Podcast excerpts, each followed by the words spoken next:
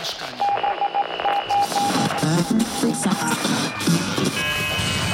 Odsłuch społeczny. Cześć.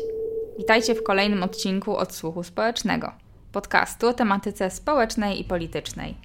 Moim dzisiejszym gościem będzie Miłosz Szymański, podróżnik i autor popularnych podcastów, lekcji historii oraz zarubieżą poświęconego historii świata i polityce międzynarodowej.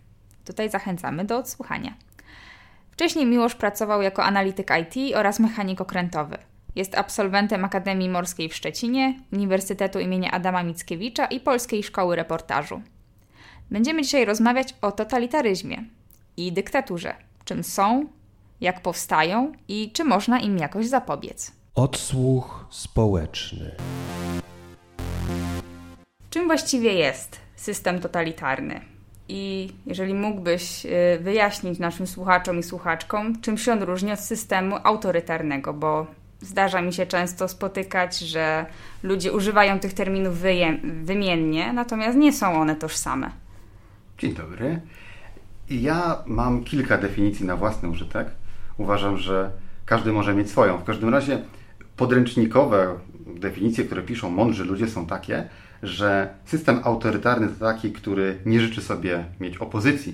Natomiast system totalitarny idzie krok dalej i on nie życzy sobie, żeby ludzie myśleli nawet w sposób opozycyjny. To znaczy, system autorytarny życzy sobie, żeby ludność zgadzała się na to, żeby władza rządziła i żeby nie rzucać jej wyzwania. Natomiast system totalitarny rości sobie prawo do tego, żeby kontrolować to, w jaki sposób ludzie myślą, nie tylko właśnie nie protestowali przeciwko, ale jeszcze, żeby stworzyć nowego człowieka, który myśli w nowy sposób, tak żeby z czasem, tak jak pisał Orwell przecież, nawet wyeliminały z języka słowa, które mogą być opozycyjne wobec władzy. Jakie są właśnie takie wspólne cechy dla tych różnych systemów? Bo różne mieliśmy e, w historii i, i w 20, na początku XX wieku, współcześnie, takie wspólne elementy, które łączą Moim zdaniem systemy. najważniejszą cechą wspólną jest taką, że władza wie lepiej niezależnie od tego, czy ona jest autorytarna, czy jest totalitarna, e, czy ma chociażby delikatne tylko skrzywienie autorytarne, władza wie lepiej. Obywatelu slash poddany, ty się nie buntuj, my się tobą zaopiekujemy, zaufaj nam. To jest ta najważniejsza cecha, która spaja systemy autorytarne, która to również zakłada, że ponieważ władza wie lepiej, a obywatel wie gorzej, no to obywatel powinien słuchać, nie powinien się buntować i powinien bezkrytycznie akceptować wszystko to, co mu się mówi. Jak rozpoznać, że kraj zmierza w stronę tego systemu totalitarnego? Jaki jest taki point of no return, kiedy no już się nie da wrócić? Nie wiem, y, czy jest w ogóle taki punkt, ponieważ bardzo wiele krajów, które zmierzało w stronę dyktatury, w pewnym momencie się zatrzymało, nastąpiło otrzeźwienie i wrócili. Ale też wydaje mi się, że nie ma takiej prostej, takiego prostego suwaka, że tu mamy 0%, tu mamy 100% i przesuwamy i point of no return będzie 78% na przykład. Nie ma czegoś takiego, bo też każda dyktatura jest inna, w zależności od charakteru danego kraju. I teraz na przykład Augusto Pinochet w Chile, ubóstwiany przez polską prawicę, no przynajmniej część tejże prawicy, e, on był niezwykle ostry, jeżeli chodzi o zwalczanie ludzi o poglądach lewicowych wszelkiej maści, natomiast e, robił wszystko, żeby była jak największa swoboda działalności gospodarczej.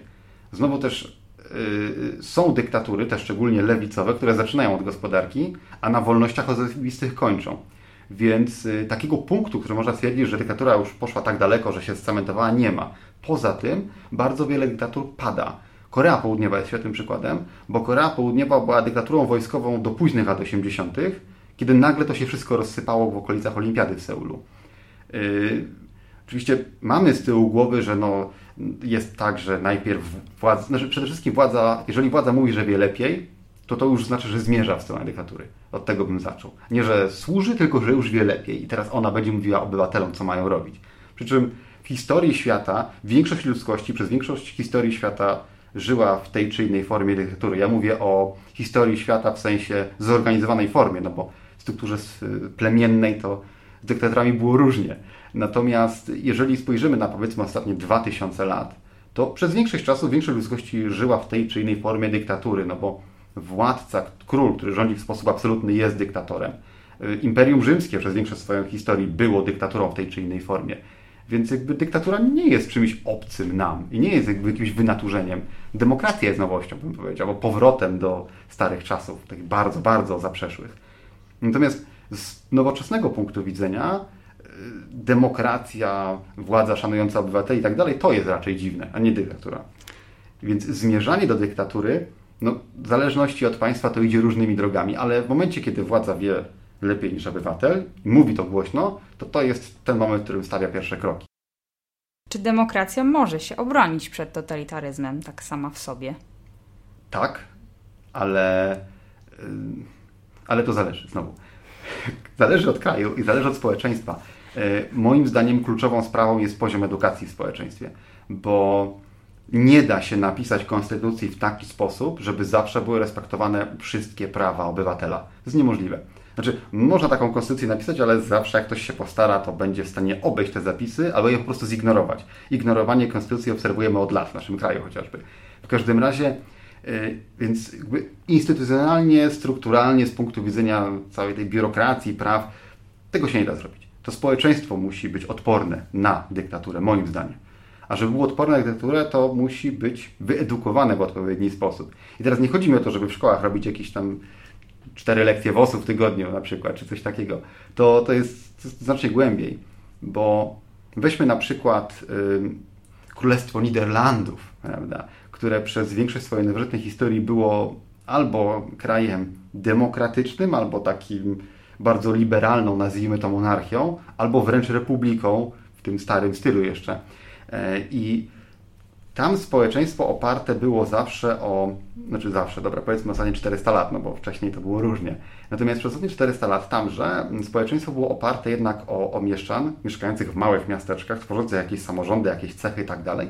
I ludzie mieli zaszczepione, mają tam zaszczepione kilkunastu pokoleń, że to, co oni myślą i to, co oni robią, ma jakiś wpływ na moją społeczność, więc ja muszę wobec mojej społeczności odnosić się w sposób odpowiedzialny, bo moje akcje mają konsekwencje, ale też ja mam wpływ na to, co się dzieje.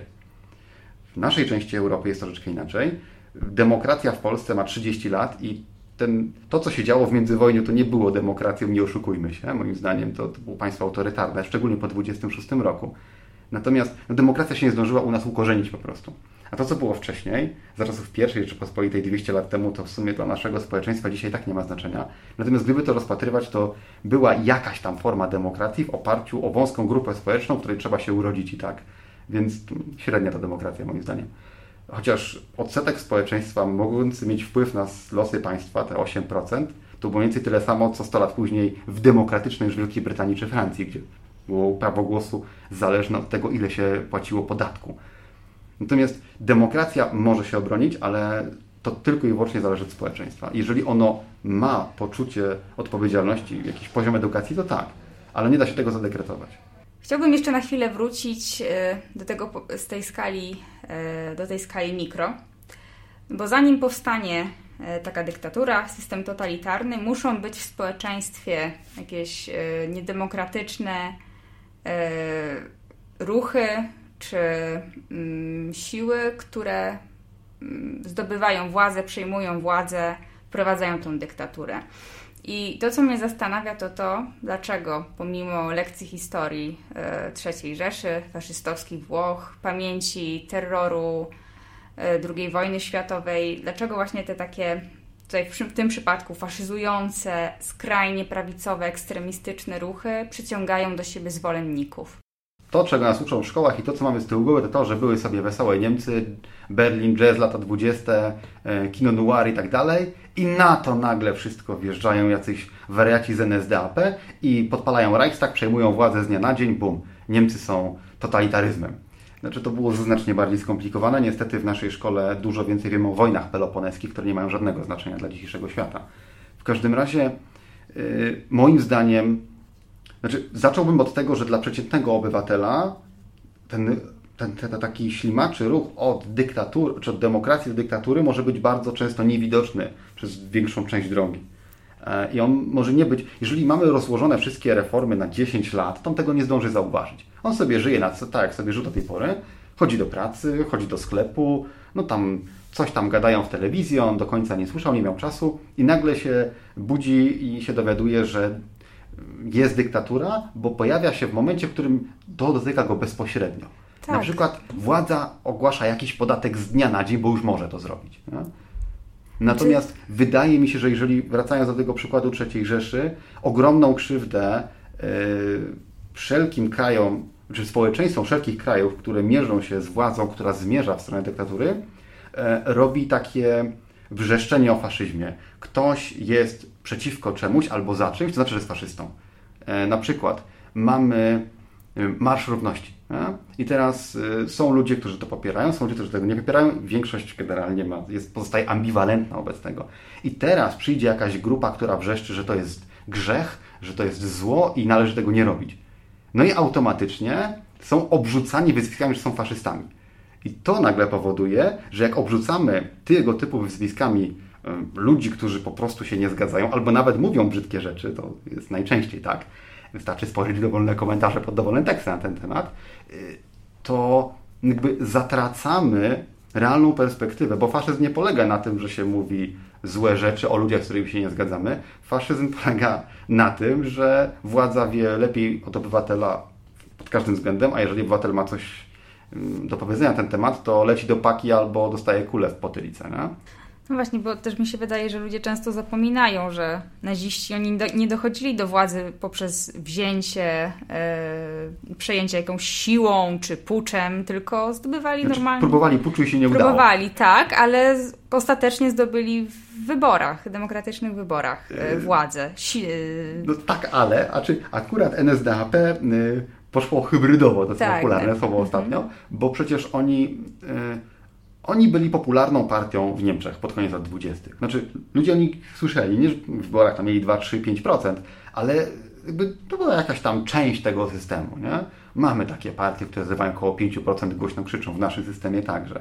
Następnie zdobywają coraz więcej głosów, no bo jest przecież potężny kryzys gospodarczy i wtedy ludzi boli i wtedy szukają jakichś radykalnych rozwiązań. Kogoś, kto ma sprawczość, chociażby deklaratywnie, nie? I oni wygrywają jedne wybory, potem palą Reichstag, nie ma opozycji, no i już na pewno wygrywają następne. No właśnie, ale co zrobić z takimi nie, niedemokratycznymi partiami i ruchami? No bo właśnie, czy dopuszczać ich do udziału w wyborach? No a jeśli je zde, zdelegalizujemy, to czy ostatecznie one nie zejdą sobie do podziemia i nie będą jeszcze bardziej skuteczne, bo będą się gdzieś y, tutaj chciały jakiejś wendety czy, czy odwetu? Jakby co zrobić? Czy, czy warto się łudzić, że te organizacje skrajnie dopuszczone do udziału we władzy się jakoś ostatecznie ucywilizują? Nie warto się łudzić. To jest moja, to jest moja odpowiedź zawsze. Nie, nie, nie. E, Jeżeli ktoś zaczyna swoją partię e, z takiego punktu widzenia, że my i tak wiemy lepiej, to nie warto się w ogóle łudzić. Nie warto nawet zaczynać się łudzić. Czy warto ich dopuszczać do władzy? Nie. Uważam, że musi być cordon sanitaire wobec takich partii.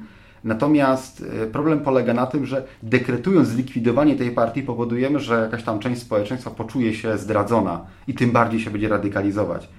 Y, Niestety łatwych odpowiedzi na to nie ma i wydaje mi się, że jedyną drogą jest edukacja społeczeństwa, a to trwa pokoleniami.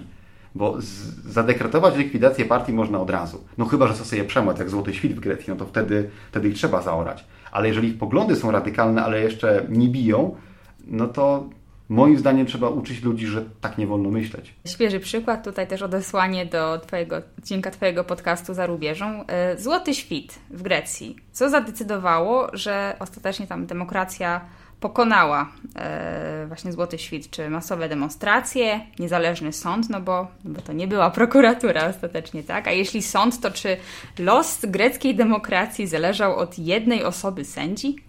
Nie, e, los greckiej demokracji nie zależał od tej jednej sędzi, bo gdyby nie ona, to na jej miejsce w Grecji dosyć praworządnych sędziów, którzy by to... Akurat prokurator, o, o, o, której, o której mówisz, to, to jest... e, Podejrzewam, że ona należy do mniejszości w greckiej prokuraturze, ale no, ta pani była okropna. Natomiast, e, jeżeli chodzi o Złoty Świt, moim zdaniem oni pokonali grecką demokrację, a potem ona kontratakowała i jak imperium kontratakowało, to udało się ich zaorać. W telegraficznym skrócie, Złoty Świt przegrał nie dlatego, że poglądy miał zbyt radykalne, tylko że zaczął być zbyt bezczelny. Bo Złoty Świt pałował ludzi na ulicach yy, i jakby na to grecka demokracja nie była w stanie odpowiedzieć, bo nagle się okazało, że nie ma świadków, albo się boją zeznawać tak dalej. Ale w momencie, kiedy oni pozwolili sobie na zamordowanie w dodatku dosyć znanego rapera w Grecji, to nagle się okazało, że ludzie są oburzeni, bo jak, no dobra, Pakistańczyków to sobie mogli bić. Yy, podpalić mecze, w których było 40 Banglijczyków, to sobie mogli zrobić, bo to w sumie nas do końca nie dotyka. Ale Pawlos Pisas był Grekiem, z Grekiem, Grekiem, Grekiem, w sensie Grekiem z greckim pochodzeniem, a nie Grekiem dopiero w pierwszym pokoleniu, nie? już tak gradujemy ludzi. Natomiast ludzie byli w szoku, że ta partia, która z, zarządzana w sposób wodzowski, jest absolutnie pionowa struktura dowodzenia i ten e, archigos, czyli wódz, musiał wiedzieć o tym, że Pawlos Pisas został zamordowany i musiał to zlecić. To nagle w ludziach przyszło takie otrzeźwienie, że zaraz, ale oni, oni, oni zamordowali nam, oni Greka zamordowali. No, z tymi Pakistańczykami to już ale Greka. No? I tu przyszło takie otrzeźwienie. Ale złoty świt jakby wszedł do wielkiej polityki w Grecji w 2000, no powiedzmy 10 roku, jak się e, ich wódz dostał do Rady Miasta Aten. Mm, no a sprawa przed sądem się zakończyła dopiero w październiku zeszłego roku. To 10 lat funkcjonowali w wielkiej polityce greckiej. Chyba w 2019 roku się dostali do parlamentu w wyborach, zdaje się, w 2019. Dwie kadencje tam przesiedzieli, mieli poparcie na poziomie 6-7%, ale oni najpierw absolutnie nagięli wszystkie zasady, wepchnęli się dosłownie z kolanami i z łokciami w grecką demokrację, która była wobec nich bezbronna, potem przesadzili. I jak przesadzili, to dopiero można było coś z nimi zrobić. Także pierwszą rundę na pewno wygrali. Odsłuch społeczny. Czy są jakieś kraje, które skutecznie rozbrajają ruchy ekstremistyczne? Jeśli tak, to jak im się to udaje? No, myślę, że najlepszym krajem do rozbrajania ruchów ekstremistycznych jest na przykład Nowa Zelandia, w której nie ma takich ruchów, bo nawet jak się pojawią i mają y, zamach terrorystyczny, to akurat było na meczet, to był gościu z Australii, nie?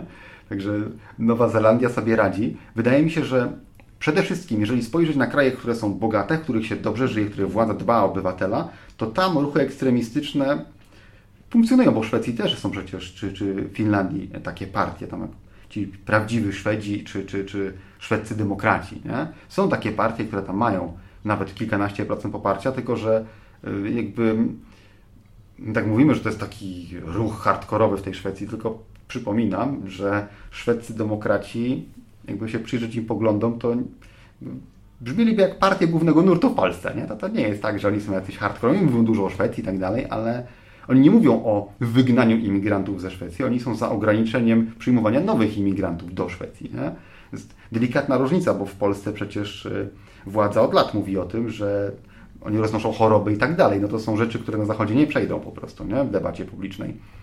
Y, więc wyedukowane, bogate społeczeństwa są w stanie zaabsorbować te skrajne ruchy, a te skrajne ruchy są zdecydowanie mniej skrajne niż u nas.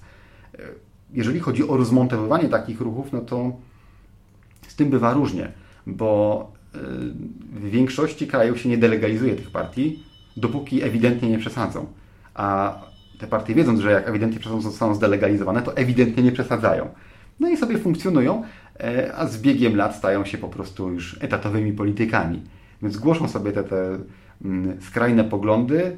Ci starzy są całkowicie cynicznie wobec tego, a młodzi przychodzą żarliwi, prawda, i nimi się starzy wysługują. Tak to zazwyczaj wygląda.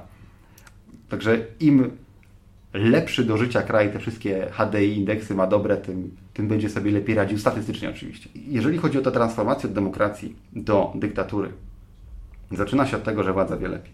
Potem władza zaczyna rozmontowywać e, po kawałeczku mechanizmy demokratyczne, które e, checks and balances, które ograniczają e, władzę władzy. Oczywiście każda władza dąży do poszerzenia swojej władzy. I największą tragedią jest ta, kiedy w duchu demokratyczna władza po prostu zaczyna mm, przekraczać delikatnie ramy demokracji. Tak, no dobra, no mieliśmy powołać tych sędziów do Trybunału Konstytucyjnego, później powołamy ich sobie wcześniej. No to przychodzą następcy i orają cały system sądownictwa w Polsce na przykład. Nie?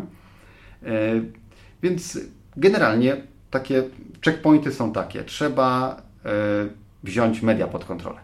Najlepiej wszystkie.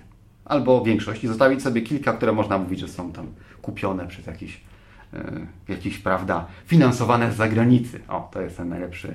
W Rosji jest to teraz popularne, na Węgrzech, no i w innych krajach w Europie także. Nie? W każdym razie trzeba pozbyć się tych mediów, które mają realny wpływ na to, co ludzie myślą. Takich, które ludzie oglądają, yy, czy, czy, czy klikają i tak dalej. Następnie trzeba się, najlepiej równolegle, zabrać się za sądownictwo. W większości dyktatur dzieje się to, znaczy krajów aspirujących do dyktatury, znaczy władzy aspirujących do dyktatury, trzeba się zabrać za sądownictwo pod pretekstem zwiększenia jego wydajności. Bo to jest jakaś tam klasa, to, jest, y, to są jacyś sprzedajni ludzie, których trzeba zaorać i wrzucić zamiast nich prawdziwych, patriotycznych, porządnych sędziów.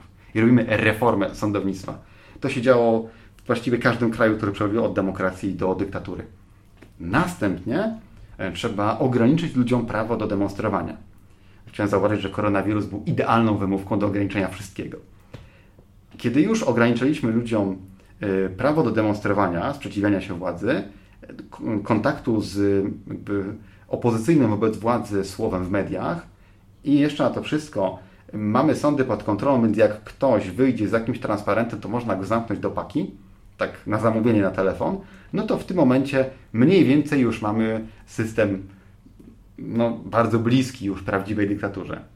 Tylko cała sztuka polega na tym, żeby ograniczając te swobody obywatelskie, ludziom podsypywać z drugiej strony jakieś tam tu parę groszy, czy dawać jakieś ulgi podatkowe, czy w ogóle mówić o jakimś tam, nie wiem, inwestowaniu w rodzinę. To jest bardzo popularne we wszystkich dyktaturach. Więc ludzie myślą sobie, no tam, co mnie obchodzą jacyś tam y, sędziowie, czy jacyś tam, nie wiem, y, jakieś tam gazety, jakieś tam sprzedajne telewizje. Ja tutaj mam, prawda, żłobek za darmo. I to jest coś, co ludzie, ludzie myślą kieszenią, nie? I te, te wszystkie, y, chociażby strajki za czasów komuny, one nie startowały, bo ludziom brakowało wolności. One wszystkie zaczynały się od tego, że ludziom brakowało chleba. Przecież y, pierwszy duży y, zryw wolnościowy w Polsce, czyli poznański czerwiec, wybuchł z takiego powodu, że władza zmieniła sposób naliczania podatku od premii za nadgodziny. Znaczy to, to, to w ogóle trudno to nawet wytłumaczyć, o co chodziło, nie? Ale chodziło o to, że ludzie sobie policzyli, że ci prodownicy pracy, ci, którzy robią nadgodziny, zarobią mniej. I od tego to się zaczęło. A to, że tam wolności i chleba, to wolności przyszło później. Najpierw chodziło o chleb. Potem strajki, czy w 70, czy w 76, czy w 80 roku, one wszystkie mniej lub bardziej wiązały się z tym. No, rośnie cena mięsa, ludzie wychodzą na ulicę. A tak się składa, że w latach 70. swobód obywatelskich było znacznie więcej niż w latach 50. w Polsce przecież.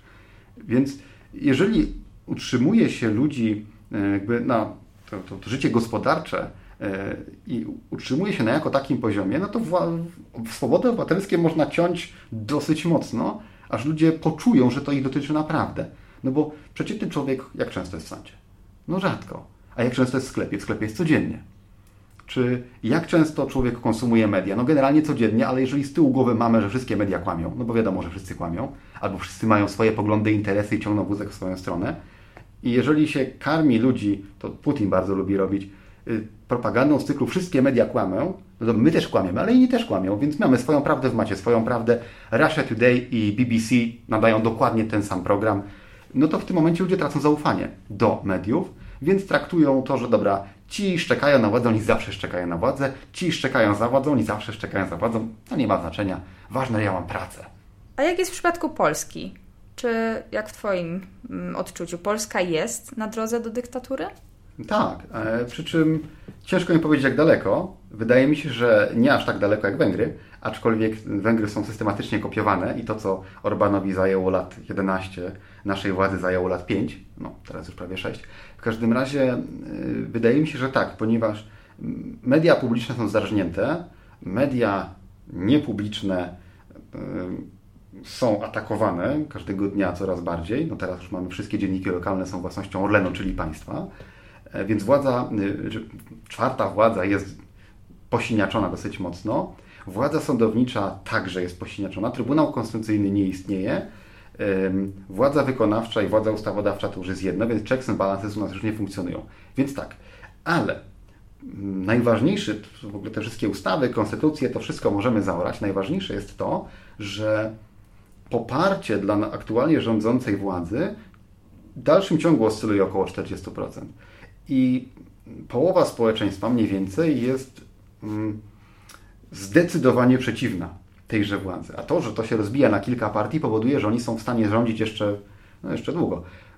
Recep Tayyip Erdoğan rządzi w Turcji 20 lat i tam jest identyczna sytuacja. On robi co chce, popiera go 40% ludzi, czasami 50%, reszta nie. Więc on, on może stracić władzę, bo ciągle połowa społeczeństwa go nie popiera.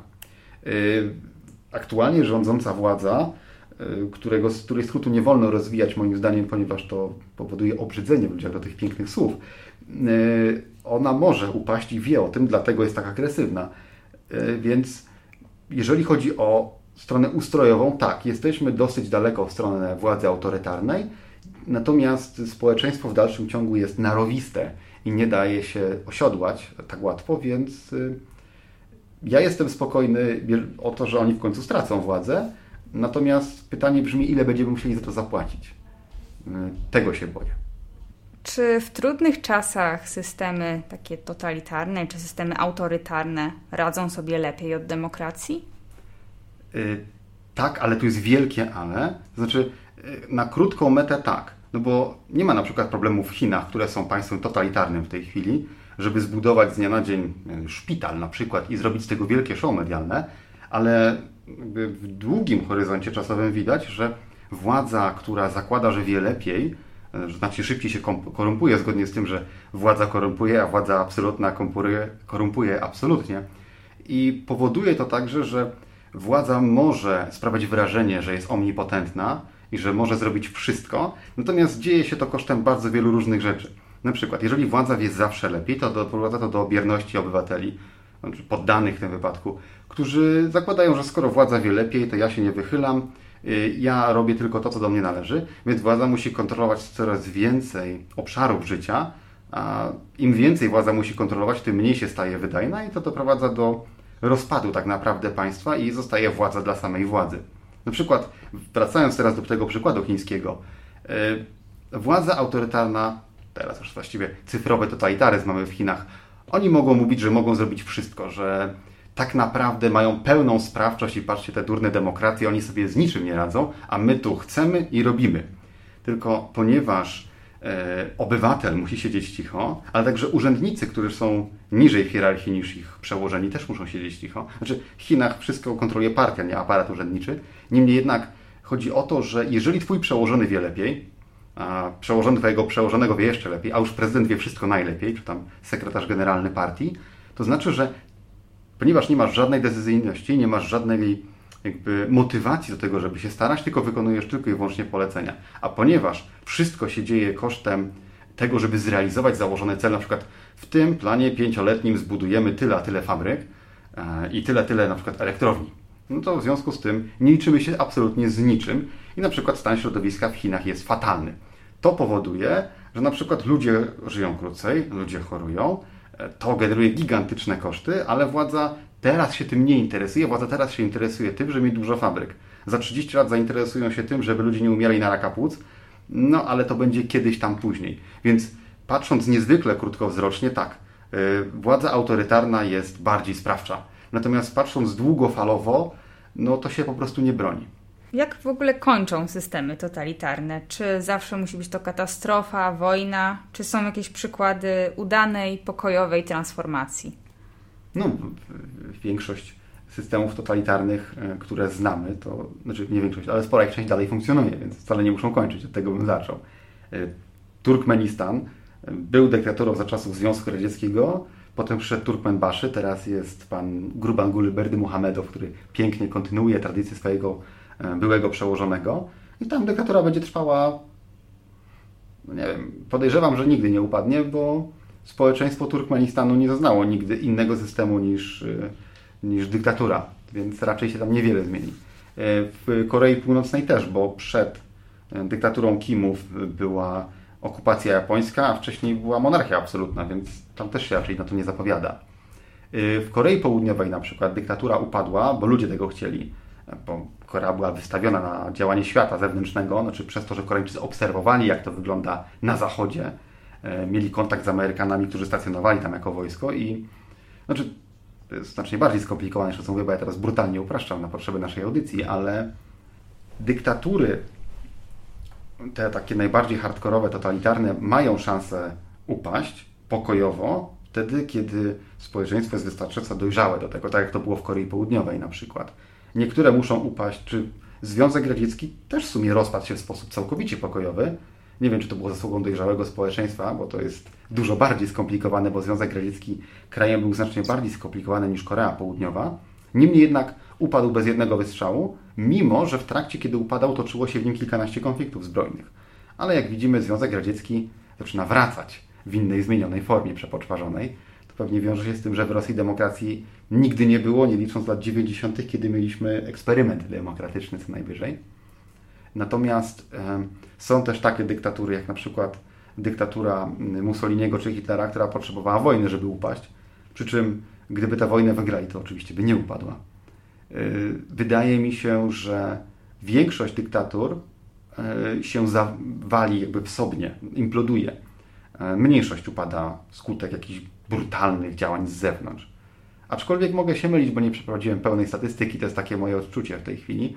Natomiast y, trzeba wziąć poprawkę na to, że z tych dyktatur, które teraz funkcjonują, podejrzewam, że duża część się uchowa jeszcze bardzo, bardzo długo niestety. Tutaj mówimy o tej perspektywie wewnętrznej, natomiast patrząc na perspektywę zewnętrzną, czy reakcje świata, które obserwują poczynania systemów totalitarnych, takie soft power może coś zmienić, na przykład to, że będziemy nakładać sankcje na przykład na Chiny ze względu na to, jak oni traktują Ujgurów, czy to może taka reakcja sankcjowa, okay, okay. demokratyczna, miękka, nie, ja coś może wierzę. dać. To, ja w to nie wierzę. W ogóle jeżeli chodzi o Chiny, Chiny są za duże.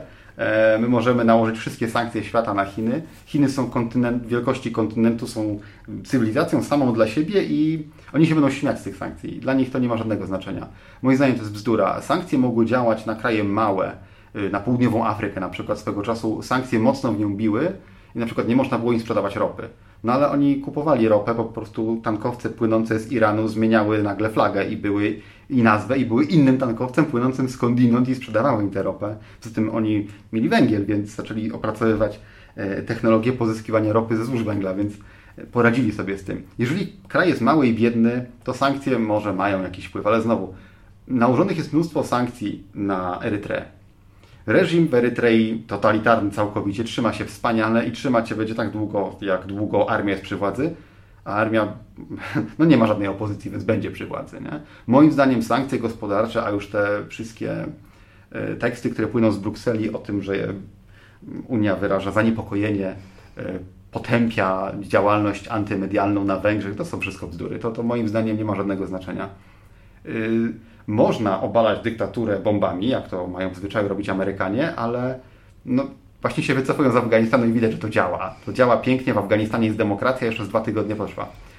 Jeżeli chodzi o obalanie dyktatury z zewnątrz, w dowolnej formie, dochodzi jeszcze element taki, że jeżeli armia najeżdża Twój kraj, to choćby rządziła Twoją najbardziej szalona dyktatura w stylu Idiego Amina, no to jednak Twój kraj jest atakowany i Twoim patriotycznym obowiązkiem jest bronić go. Że najpierw pokonajmy siły zewnętrzne, a potem sobie poradzimy z tym dyktatorem.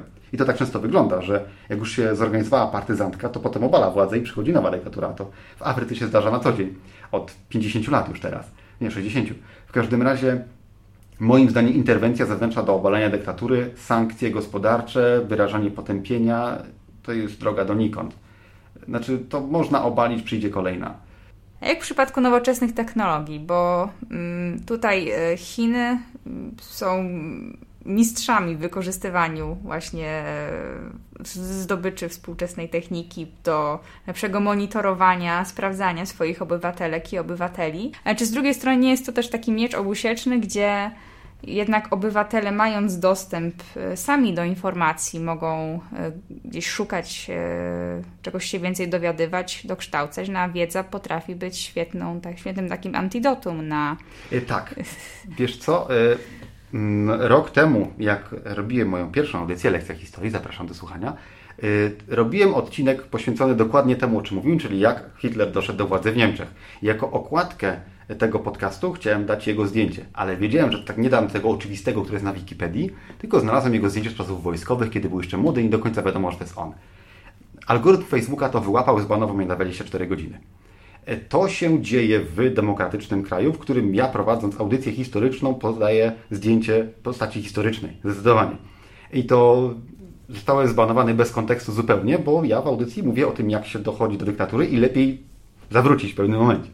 No, więc uważam, że tak, y, internet nam daje możliwości łączenia się, komunikacji, bla, bla, bla, owszem, i daje trzy razy więcej możliwości kontrolowania tej komunikacji.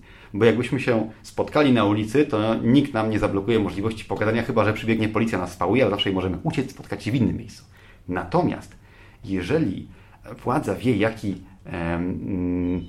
jakiego urządzenia używasz, jaki jest jego numer IP i wyłączy możliwość komunikacji Twoją z internetem, to nic nie zrobisz.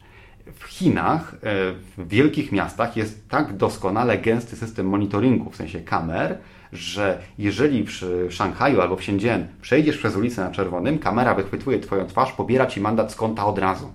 Trafiasz na listę wstydu. I... Też i Twój rating społeczny spada, a rating społeczny, jak spadnie poniżej chyba 800, to nie możesz kupić biletu kolejowego, a władza to kontroluje, bo możesz płacić tylko kartą. Chińczycy odchodzą od gotówki gwałtownie, no bo jeżeli mm, odchodzimy od gotówki, można płacić tylko kartą, to Twoją kartę można jednym kliknięciem zablokować i nie możesz nic zrobić. Y, w Rosji, żeby kupić bilet kolejowy, trzeba pokazać paszport. Tak jeszcze było czas Związku Radzieckiego, więc żeby wskazane osoby nie mogły się przemieszczać za bardzo. Wiadomo, że nikt nie ma samochodu, bo nikogo nie było stać. Y, w tej chwili ten system dalej funkcjonuje, przy czym jeżeli pokażesz paszport, kupując bilet kolejowy, to oni już mają wszystko scentralizowanej bazie danych i władza jest w stanie śledzić Twoje ruchy. I jak będzie chciała Cię wywlec z samolotu, to wie, gdzie jesteś. Oczywiście bilety lotnicze są monitorowane od dawna, ale ja tu mówię nawet takie rzeczy jak bilety kolejowe. Jeżeli kupisz sobie bilet do Pruszkowa, e, zapłacisz za niego kartą, musisz pokazać paszport, to władza wie, że jesteś w pociągu do Pruszkowa, więc zaraz tam mogą wysłać radiowóz i cię zglebić na miejscu. Więc technologia XXI e, wieku powoduje, że nigdy nie było już tak łatwo zostać dyrektorem, moim zdaniem. W tej chwili dysponujemy technologią, znaczy nie my, tylko oni, którzy kontrolują tę technologię, Facebook na przykład. Facebook jest w stanie z dokładnością do 90% określić, kim jesteś i najprawdopodobniej gdzie jesteś, gdzie mieszkasz, gdzie pracujesz, takie rzeczy. Nie? Google to samo może zrobić. Google nawet wie, co jesz najczęściej i może wiedzieć o tobie więcej, niż to sobie zdajesz sprawę. I dobierze odpowiednie reklamy stargetowane tak, do ciebie. Ale yy, te informacje można zabrać i te informacje może, te, wejść może w posiadanie tych informacji Mm, Ministerstwo Spraw Wewnętrznych na przykład i Ministerstwo Spraw Wewnętrznych nie to, że możecie wyśledzić z dokładnością do 10 metrów, gdzie się w tej chwili znajdujesz, e, to jeszcze są w stanie jednym kliknięciem zablokować Ci możliwość mm, płacenia, zablokować Ci możliwość podróżowania, e, podsłuchiwać Cię w każdej chwili. Przecież telefony każdy ma przy sobie w każdej chwili. To, że tam klikniesz, żeby nie zgadzasz się na nagrywanie, to życzę powodzenia, nie? E, Dlatego mówię o Chinach jako o państwie totalitarnym w tej chwili, bo można sobie pojechać do Chin na wycieczkę. No pewnie, że tak. Tylko Chińczycy nie mają problemu z tym, żeby wpuszczać turystów. No teraz koronawirusy coś, ale generalnie nie mają z tym problemu. Chodzi o to, że jak przyjeżdżasz do Chin, to twoja karta SIM nie działa. Musisz sobie zamontować chińską. E, I nie ma chińskie, nie ma w Chinach tego internetu, który my znamy, jest wewnątrzchiński internet. Więc jest chińska wersja Google'a, chińska wersja Twittera, chińska wersja tych aplikacji do robienia zakupów i tak dalej. W związku z tym w każdej chwili można wyłączyć każdą z tych aplikacji, można wyłączyć e, cyfrowo każdego obywatela, a na to wszystko dowolny temat można w każdej chwili ocenzurować. Jeżeli w Chinach wpiszesz kombinację znaku odpowiedzialną za hasło Plac Tiananmen 4 czerwca 1800, 1989, to nie dość, że nie wyświetli się nic, ale jeszcze czerwona lampka się zapali gdzieś w ministerstwie i mogą się tobą bardziej zainteresować. I w ciągu paru sekund zablokować Ci możliwość robienia czegokolwiek tym telefonem. Albo w ogóle nie zalogujesz się na swojego maila, a wiadomo, że logując się na maila, logujesz się wszędzie. My tutaj w Europie znajdujemy się w sytuacji, że gdyby tylko władza chciała i gdyby się Facebook, Google i tak dalej zgodził, co nie wykluczam tego absolutnie, bo z polityki Google'a do no evil zniknęło już ładnych parę lat temu, to w dowolnym momencie mogą cię po prostu zaorać i nie możesz nic. Orwell miał rację jednak. Tak, tak, no oczywiście, że tak. No, był wizjonerem, jednym z największych y, pisarzy w historii świata, moim zdaniem. I to, co on napisał w 1949 roku, nie mając pojęcia, jaką technologię będziemy mieć, y, w tej chwili, no, przypominam, że w roku 1984 pojawiają się te ekrany służące do komunikacji, dwie strony i śledzenia ludzi przecież, nie? Y, W tej chwili to są telefony, które nosimy przy sobie, więc nie tylko w domu. Bo jednak przypomnę, że Winston mógł uciec do lasu i w lesie pogadać z kimś po cichutku. My nawet już tego nie możemy zrobić, bo no, bez telefonu wyjdziesz z domu, no hello. Nie? W Szwecji, jak cię zatrzyma policja, podajesz swój PESEL i policjanci y, mogą ci na przykład wypisać mandat za niedziałającą żarówkę, ok, ale przy okazji życzliwy szwedzki policjant mówi, słuchaj, y, przetrzymujesz książki w bibliotece, pamiętaj o tym, bo ci naliczą karę.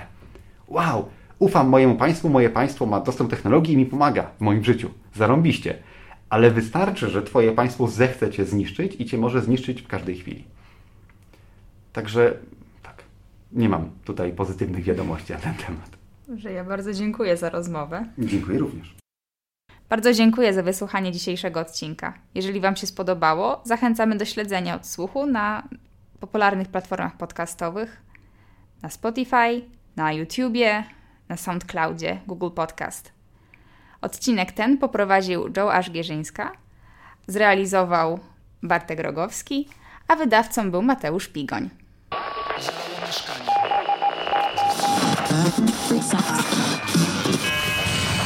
Odsłuch społeczny.